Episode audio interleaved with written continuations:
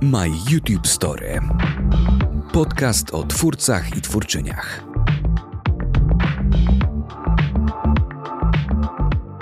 Cześć, nazywam się Gabi Darmetko i zapraszam na kosmiczną rozmowę z Piotrem Koskiem, czyli astrofazą. Cześć Piotrek. Cześć i witam serdecznie wszystkich słuchaczy również. Zanim zaczniemy rozmawiać e, o Twojej historii YouTube'owej, to chciałam Cię zapytać o to, o czym jest ostatnio głośno, czyli rzekome UFO pojawiające się w różnych miejscach na świecie. Mhm. Jak się do tego odnosisz? No słuchaj, no nie rzekome UFO, tylko UFO. No w końcu nie wiemy, co to jest, a UFO to niezidentyfikowane obiekty latające, więc jak najbardziej spełnia te tutaj definicje.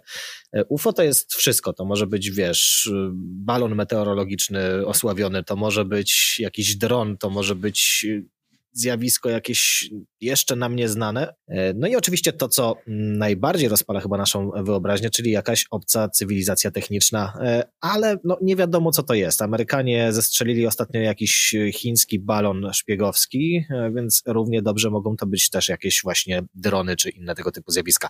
Poczekamy, zobaczymy, co też ciekawego w tym temacie się pojawi. Czy ty uważasz, że jest w ogóle taka opcja, że kiedyś ktoś gdzieś się do nas odezwie? Tak nawet patrząc, no ja, ja już y, czytałam i słuchałam na ten temat, że najpewniej to gdzieś jakieś życie jest, ale jak rozwinięte to nie wiadomo.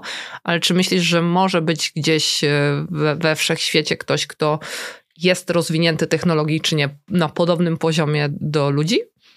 No słuchaj, jesteśmy my, więc co stoi na przeszkodzie, żeby gdzieś ktoś również był na naszym czy wyższym poziomie? No to jest oczywiście możliwe i dowodem na to jest życie na Ziemi, która nie jest przecież jakąś e, bardzo wyjątkową planetą, Słońce nie jest bardzo wyjątkową gwiazdą. To wszystko jest oczywiście możliwe.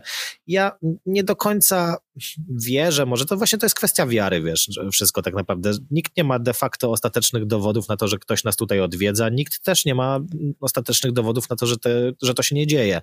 To jest tak samo prawdopodobne, jak i nieprawdopodobne.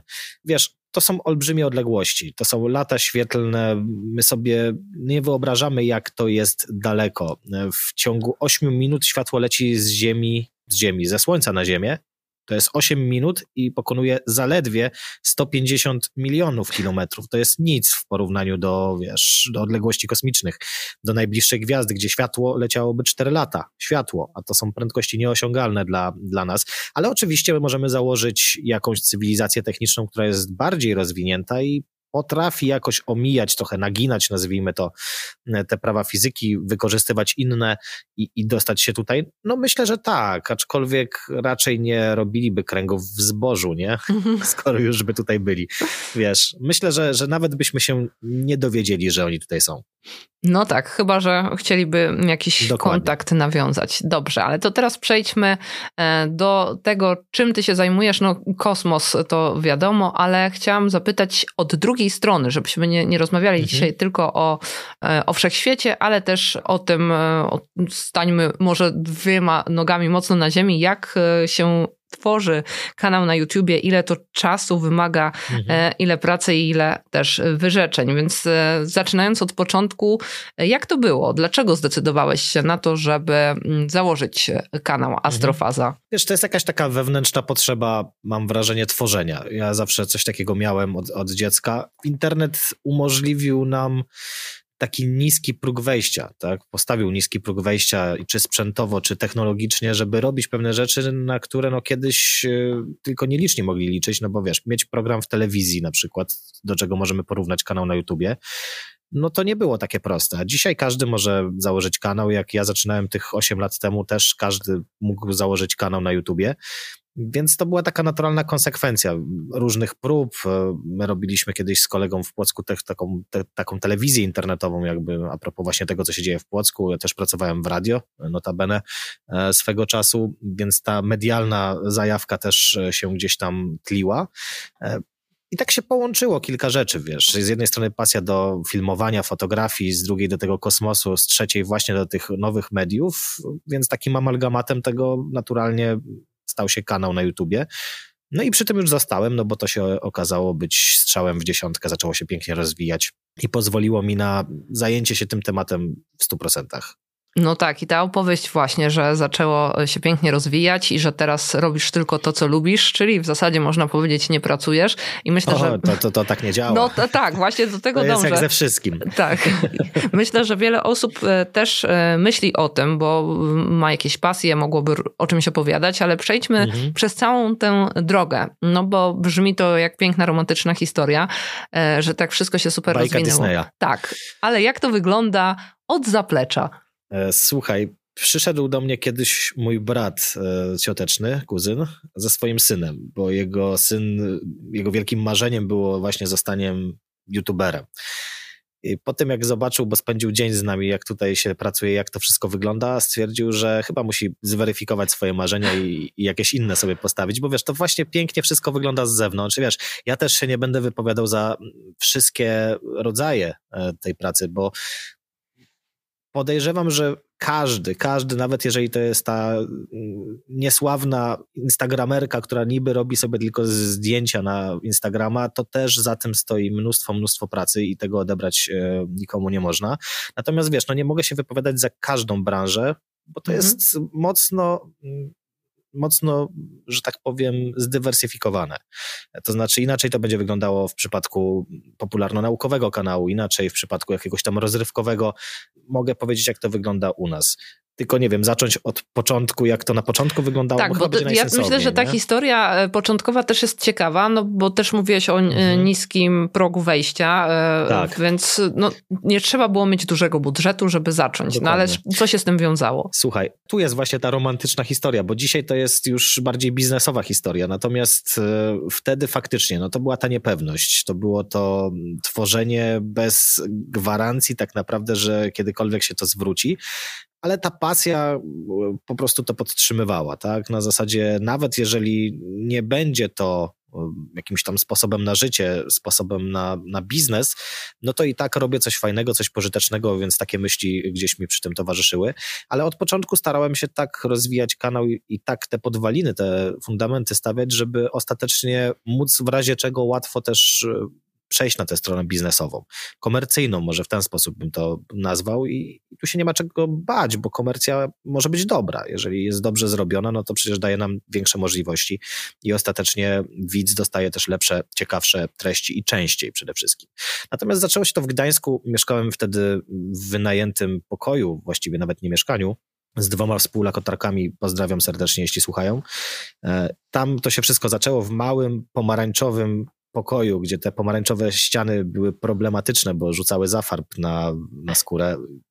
Generalnie jakieś pierwsze, wiesz, żarówki, tak naprawdę wszystko, co kanał zarabiał, to były jakieś grosze dosłownie, wiesz, mówimy tu o kwotach rzędu 100-200 zł miesięcznie na początek, więc trzeba było czasami czekać, żeby ten próg taki e, osiągnąć, tam było chyba 300 zł, wtedy e, jak się nazbierało, to dopiero Google wypłacało te środki, więc wszystko to szło, wiesz, w sprzęt. Mhm, Na ale początku bo, oczywiście to był... Bo jeszcze ci chciałam no. przerwać, czy to było tak, że e, jak zobaczyłeś już, że w ogóle coś zarabia, to już był taki moment, o, dobrze, to czyli jest jakaś przyszłość dla tego?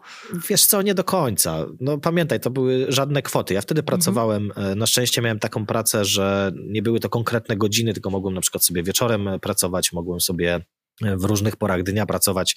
Także był czas na tworzenie tych treści i one się zaczęły na początku rozchodzić. Wiesz, to było fajne, to już było motywujące też, że ludzie chcą to oglądać. Nie? Po tygodniu to było już jakieś tam tysiąc wyświetleń pierwszego odcinka, co no, na tamte czasy też było takim wynikiem wow, zwłaszcza, że jest to nowy kanał popularno-naukowy. Ja mam ten odcinek, ja nie usuwam żadnych odcinków starych. Uważam, że to jest też takie ciekawe spojrzenie w przeszłość, więc można sobie zobaczyć, jak bardzo różne e, to było od tego, co mamy dzisiaj na astrofazie i prowadzenie, i jakość wykonania, ale miało właśnie to coś w sobie, co przyciągało ludzi.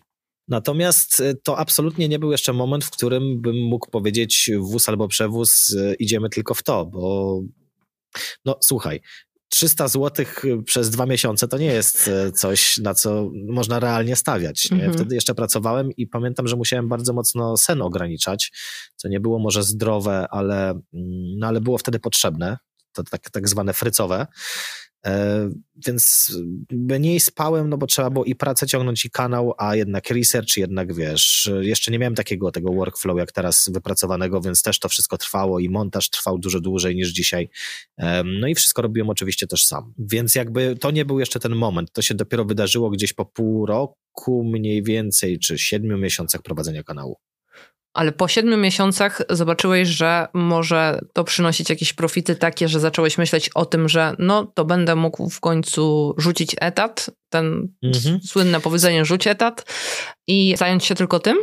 Tak, znaczy to, to było to ryzyko, ale już miałem jakieś takie podstawy, że widziałem, że to się rozwija, nie? W sensie to na pewno nie był jeszcze moment, w którym jakby mógłbym się utrzymać z kanału i jeszcze go rozwijać, ale wiesz, widziałem, w którą stronę to idzie i że raczej się rozwija niż zwija, no i trzeba było podjąć jakieś ryzyko, jakąś decyzję, bo tak w stanie w rozkroku nie pozwalało na nic.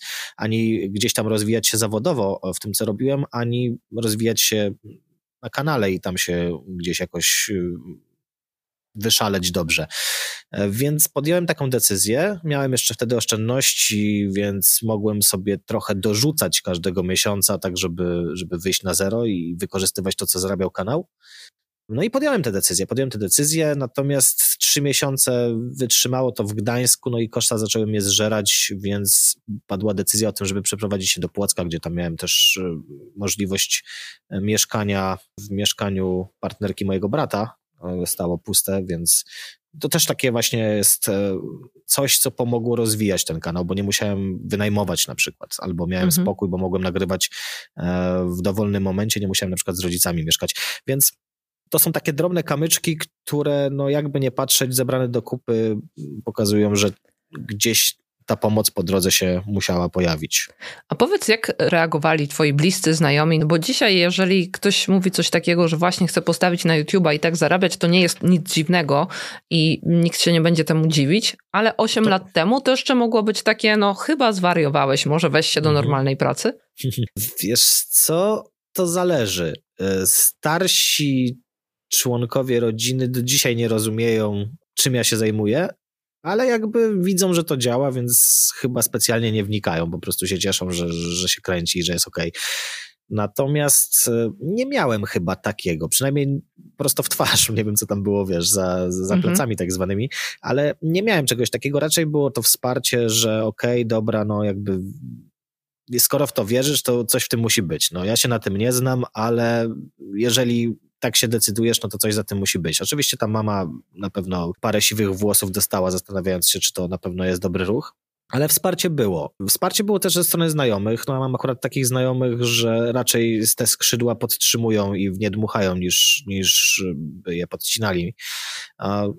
Także nie miałem na szczęście czegoś takiego, żeby jeszcze z zewnątrz ten pomysł był torpedowany. A wiem, że to często jest problem, bo ktoś chce się rozwijać, ktoś chce robić coś fajnego, i często no, tak z takiego zmartwienia tak naprawdę, no właśnie rodzina potrafi torpedować różne ciekawe pomysły.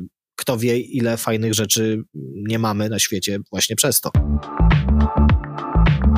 My YouTube Story.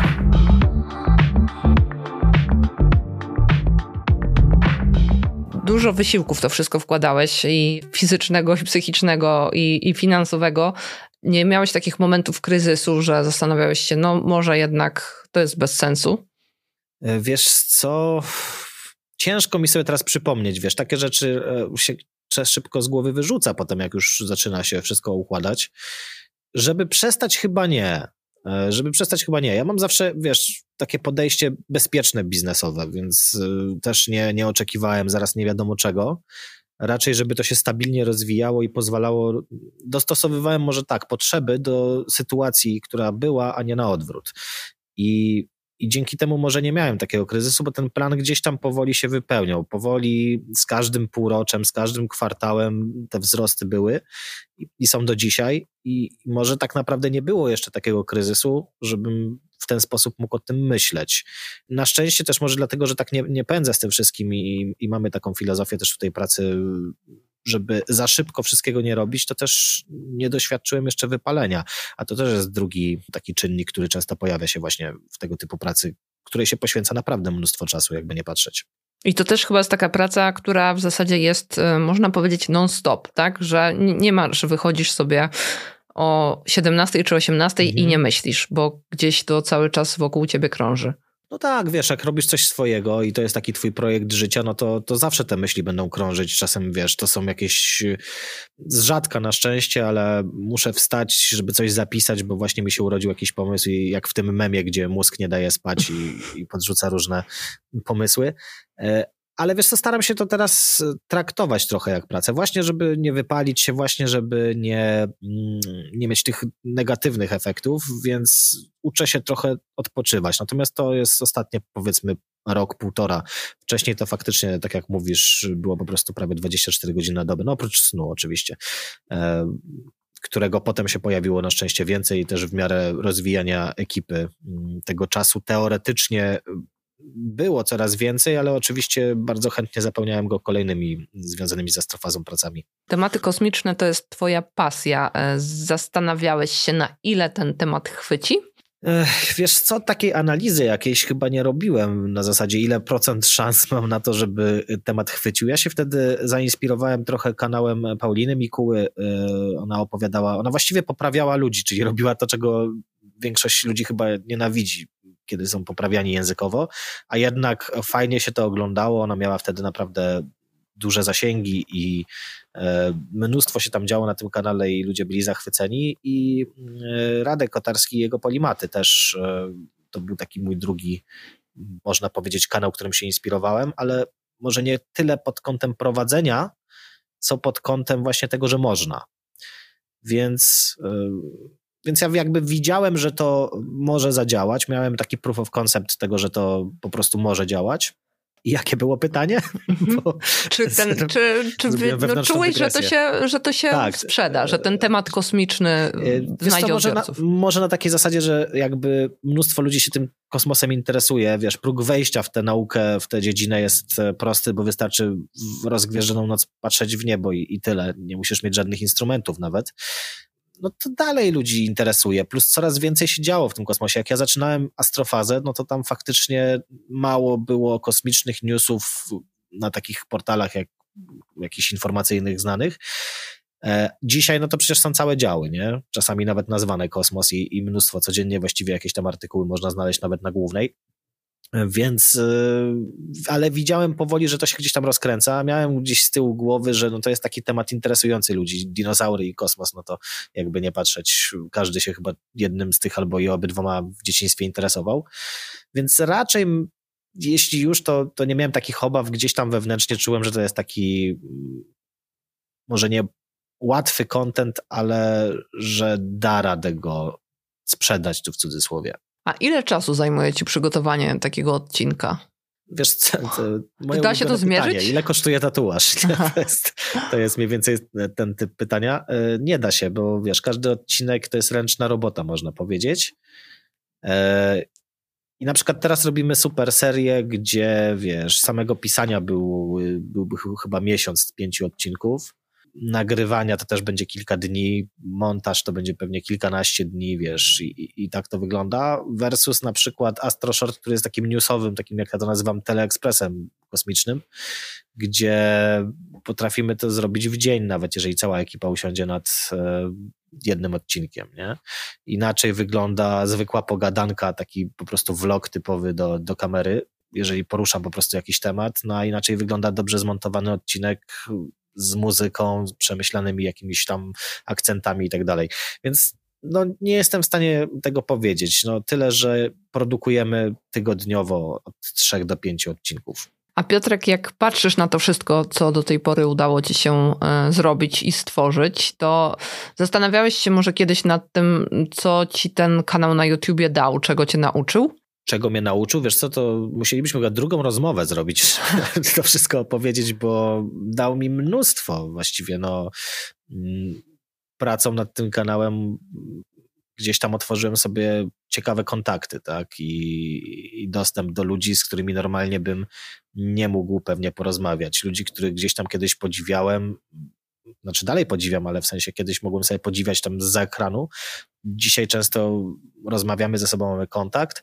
E, dał mi niezależność finansową, dzięki czemu mogę spełniać swoją pasję. Teraz na przykład też taka moja jest druga pasja, o niej często nie mówię, ale to jest muzyka i robimy na przykład płytę na rok kopernikański, wow. to jest 2023, to jest rok kopernikański, razem z doktorem habilitowanym Leszkiem Błaszkiewiczem i Przemysławem Rudziem e, będziemy właśnie taką płytę przygotowywać, znaczy już w tym momencie jest przygotowywana, e, z różnymi ciekawymi muzykami e, sceny elektronicznej.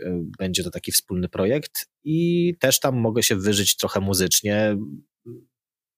To też jest kwestia finansowa, no oczywiście tutaj, bo, bo sprzęt, bo produkcja i tak dalej, to wszystko kosztuje, więc dostęp do jakichś ciekawych miejsc. No, byliśmy w Europejskiej Agencji Kosmicznej, gdzie normalnie pewnie bym nie mógł tak sobie po prostu wejść. Tam nagrywaliśmy przez dwa dni e, nasz film dokumentalny o właśnie Centrum Szkolenia Astronautów. E, teraz e, kombinujemy, żeby zrobić też całą serię w CERN, więc to są podróże. Wiesz, to ciężko tak naprawdę zabrać do kupy. Nie? Na mhm. każdym właściwie, gdzie nie spojrzysz, gdzie nie rzucisz kamieniem, to są jakieś możliwości i są jakieś niesamowite przeżycia, które dzięki temu, że, że kiedyś postanowiłem jednak postawić na tę kartę, dzisiaj mam. Mhm. A czy to jest tak, jak już masz ten kanał rozbudowany, masz swoją publiczność, e, to wyznaczasz sobie jakieś kolejne cele, czy na przykład zastanawiasz się, e, czy, może, czy ta publiczność jeszcze przyrośnie, czy w ogóle się o tym myśli już na tym etapie, czy, czy w zupełnie mhm. innym kierunku się podąża? Wiesz co, chyba tak nie patrzymy, nie? To wiesz, to, to nie jest taki do końca biznes Excelowy, bym powiedział, gdzie musimy aż na to tak zwracać uwagę. Teraz na przykład te przyrosty są dużo mniej dynamiczne niż, e, niż kiedyś. Raczej y, to nie jest kalkulacja, o zróbmy jeszcze tutaj, bo trzeba tam kolejnych ludzi, bo nie wiem, bo nam to rozkręci bardziej biznes, tylko bardziej patrzymy na to jak na jakiś taki wskaźnik tego, czy treści, które robimy są jeszcze dla ludzi ciekawe. E, no bo wiesz, wszystko się nudzi, nie? Mhm. najlepsza szynka jak codziennie będziemy ją jedli, w końcu przestanie tak dobrze smakować, więc bardziej patrzymy pod tym kątem i też musimy pamiętać, że wiesz, te subskrypcje to, to jest trochę taki mit też, nie? Znaczy wiadomo, to jest ważne i to coś tam pokazuje, ale no musisz pamiętać, jak patrzysz na te konta, które mają, nie wiem, milion subskrypcji więcej, czy 500 tysięcy niecałe, jak, jak my w tym przypadku, to części z tych ludzi już tam nie ma tak naprawdę dawno, nie? To mhm. są martwe subskrypcje tych aktywnych ludzi, jest e, dużo, dużo mniej zawsze, co zresztą widać, no bo jeżeli mamy kanał, który ma, nie wiem, półtora miliona subskrypcji i po 10 tysięcy wyświetleń pod filmem, no to o czymś to mówi, nie? Mhm. Jednak mimo wszystko. Więc bardziej patrzymy, wiesz, na inne statystyki, takie bardziej głębokie i, i patrzymy też na te wyświetlenia, czy czy dany typ się podoba filmów, czy, czy to nie jest jednak coś, e, w jakim kierunku powinniśmy iść, ale też mamy taki tutaj paradygmat trochę ustawiony w naszym e, zespole, że ważna jest też misja. Jakby wiesz, no nie najważniejsza oczywiście, bo nie jesteśmy telewizją publiczną finansowaną z podatków mhm. i musimy się spinać biznesowo też. Ludziom trzeba zapłacić. Za lajki, jak ostatnio sprawdzałem, dalej chleba kupić nie można. Natomiast Yy, natomiast mamy też misję i czasami robimy, wiesz, filmy, które wiemy, że się nie rozejdą fajnie, ale one są ważne. I i będziemy je gdzieś tam promować i będą dostawać ten czas antenowy i czas w social mediach, żeby ludzie dowiedzieli się, że są, e, żeby nawet tych, wiesz, 5-10 tysięcy osób obejrzało to i, i, może się zastanowiło nad czymś, nie? że to, mhm. to przyniesie jakieś owoce gdzie indziej zupełnie, nie tylko finansowe. A masz jakieś marzenia w kontekście astrofazy? Wiesz, to dużo marzeń. E, generalnie przede wszystkim, żeby jeździć po świecie i pokazywać niesamowite miejsca, takie jak NASA, takie jak japońska może agencja kosmiczna, wiesz, dalej Europejska Agencja Kosmiczna ma jeszcze ciekawe e, miejsca. E, robić też takie bardzo piękne, bym powiedział, serie, e, jak nasze super serie na przykład, żeby to było regularnym jakimś takim naszym mm, procederem, że tak to nazwę, co zresztą już w tym roku się wydarzy i to jeszcze w tym kwartale, bo właśnie też zaczynamy pierwszą taką regularną super serię. E, więc to są takie marzenia, wiesz, marzenia sobie zakładam na kolejne jakieś takie etapy, tak żeby można było faktycznie je zrealizować, a nie tylko leżeć na łóżku i marzyć, bo to mhm. od tego się nic nie dzieje. No tak, zaczynałeś sam, robiłeś wszystko od A do Z, teraz masz ekipę. Jak duża jest e, twoja ekipa? E, niech no policzę teraz. E, mamy tak, dwie osoby w dziale w dziale redakcyjnym, One tworzą różne teksty, zajmują się stroną internetową. Też w tym roku uruchomiliśmy stronę internetową, znaczy w zeszłym pod koniec uruchomiliśmy stronę internetową, więc będziemy też rozwijać ten e, aspekt, tak żeby zrobić z tego fajne miejsce. To są dwie osoby, dwie osoby od kręcenia i montażu mamy już cztery, Leszek piąta, menedżerka szósta, siódma osoba od e, społeczności, ósma od sklepu, no i ja jestem dziewiąty, to mniej więcej tak wygląda. Niezły team został zbudowany. To prawda, to prawda. A powiedz, każdy, czy... każdy jest świetny, mhm. z osobna i razem wzięci. A czy e, ty nie miałeś problemu takiego z delegacją zadań? No bo na początku, jak się robi wszystko samemu, e, mhm. to, to często ludzie mają taki problem, że no dobrze, ale to ja to zrobię szybciej, lepiej i mhm. porywają się tak trochę z motyką na słońce. Mhm. E, wiesz co, ja, ja jestem, przynajmniej lubię się uważać za dobrego obserwatora i widziałem to wielokrotnie i faktycznie było na początku tak, że trochę było ciężko, no bo nie jesteś pewna, jak sobie ta osoba poradzi, ale z takim założeniem szedłem, że po coś ten team buduje, nie? Nie po to, żeby jak, prawda, pan e, na włościach doglądać, o, tutaj dobrze, pracują robaczki, nie? Tylko po to, żeby zatrudniać ludzi, i dawać szansę na rozwijanie fajnego projektu ludziom, którzy są lepsi w czymś ode mnie, docelowo przynajmniej powinni być. Nie? Mhm. E, tak to sobie gdzieś tam wyobrażam zawsze. No i na przykład jak zacząłem na początku współpracować z Kamilem Ziółkowskim, który właśnie zajął się montażem niektórych rzeczy, zajął się przede wszystkim kręceniem i filmowaniem, no bo części rzeczy oczywiście sam nie zrobię, a nawet jeżeli, no to dużo to przyspieszy. I on jest w konstruowaniu obrazu lepszy ode mnie, więc y, to zawsze, jeżeli miałem jakieś nawet takie zakusy, to od razu się hamowałem i mówiłem sobie, no ale zaraz, no co ja mu będę mówił, że ma zrobić inaczej, skoro po to tutaj jest, żeby wiedzieć lepiej ode mnie, jak coś ma wyglądać. Więc raczej staram się trzymać piecze, ale takie mam podejście, żeby dawać swobodę tam, gdzie można tę swobodę dać y, pracownikom i współpracownikom i póki co się to sprawdza. Widzę, że, że to po prostu działa. No tak, bo... Więc, więc, więc, więc, więc jakby no, obserwowałem wiele firm, gdzie właśnie padały tak naprawdę nawet przez to, że było takie podejście szefa, e, czy dyrektora, czy prezesa, czy kogokolwiek. I ja tego u siebie nie chciałem zwyczajnie. My YouTube Story.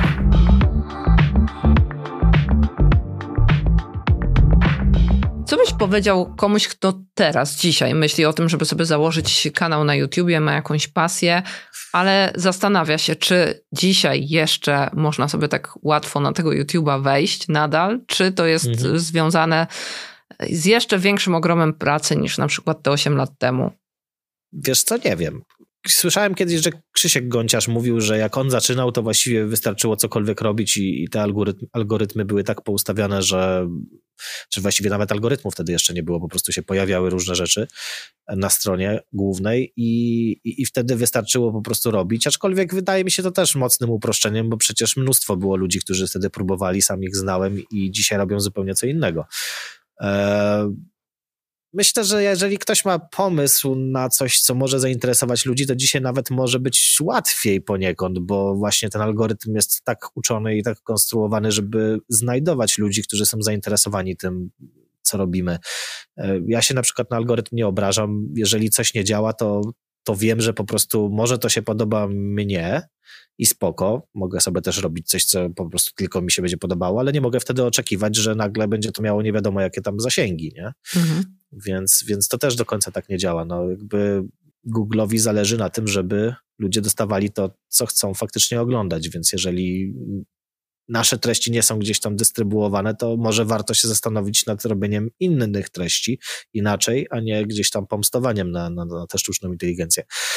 Więc to zależy od tego, co taka osoba by chciała zrobić pod pewnymi względami będzie łatwiej, pod pewnymi względami będzie trudniej, no bo też konkurencja jest dużo większa i, i dostępność sprzętu wbrew pozorom sprawia, że też yy, nie możemy się za bardzo tym już dzisiaj wyróżnić, nie? Ten, mhm. ten, ta jakość produkcji jest bardzo podobna teraz na wielu kanałach. Zawsze warto, tylko trzeba mieć na względzie, że to jest trochę jak z aktorstwem, wiesz, nie? Mnóstwo ludzi zaczyna, ale, ale utrzymuje się z tego niewielu i tu jest dokładnie tak samo.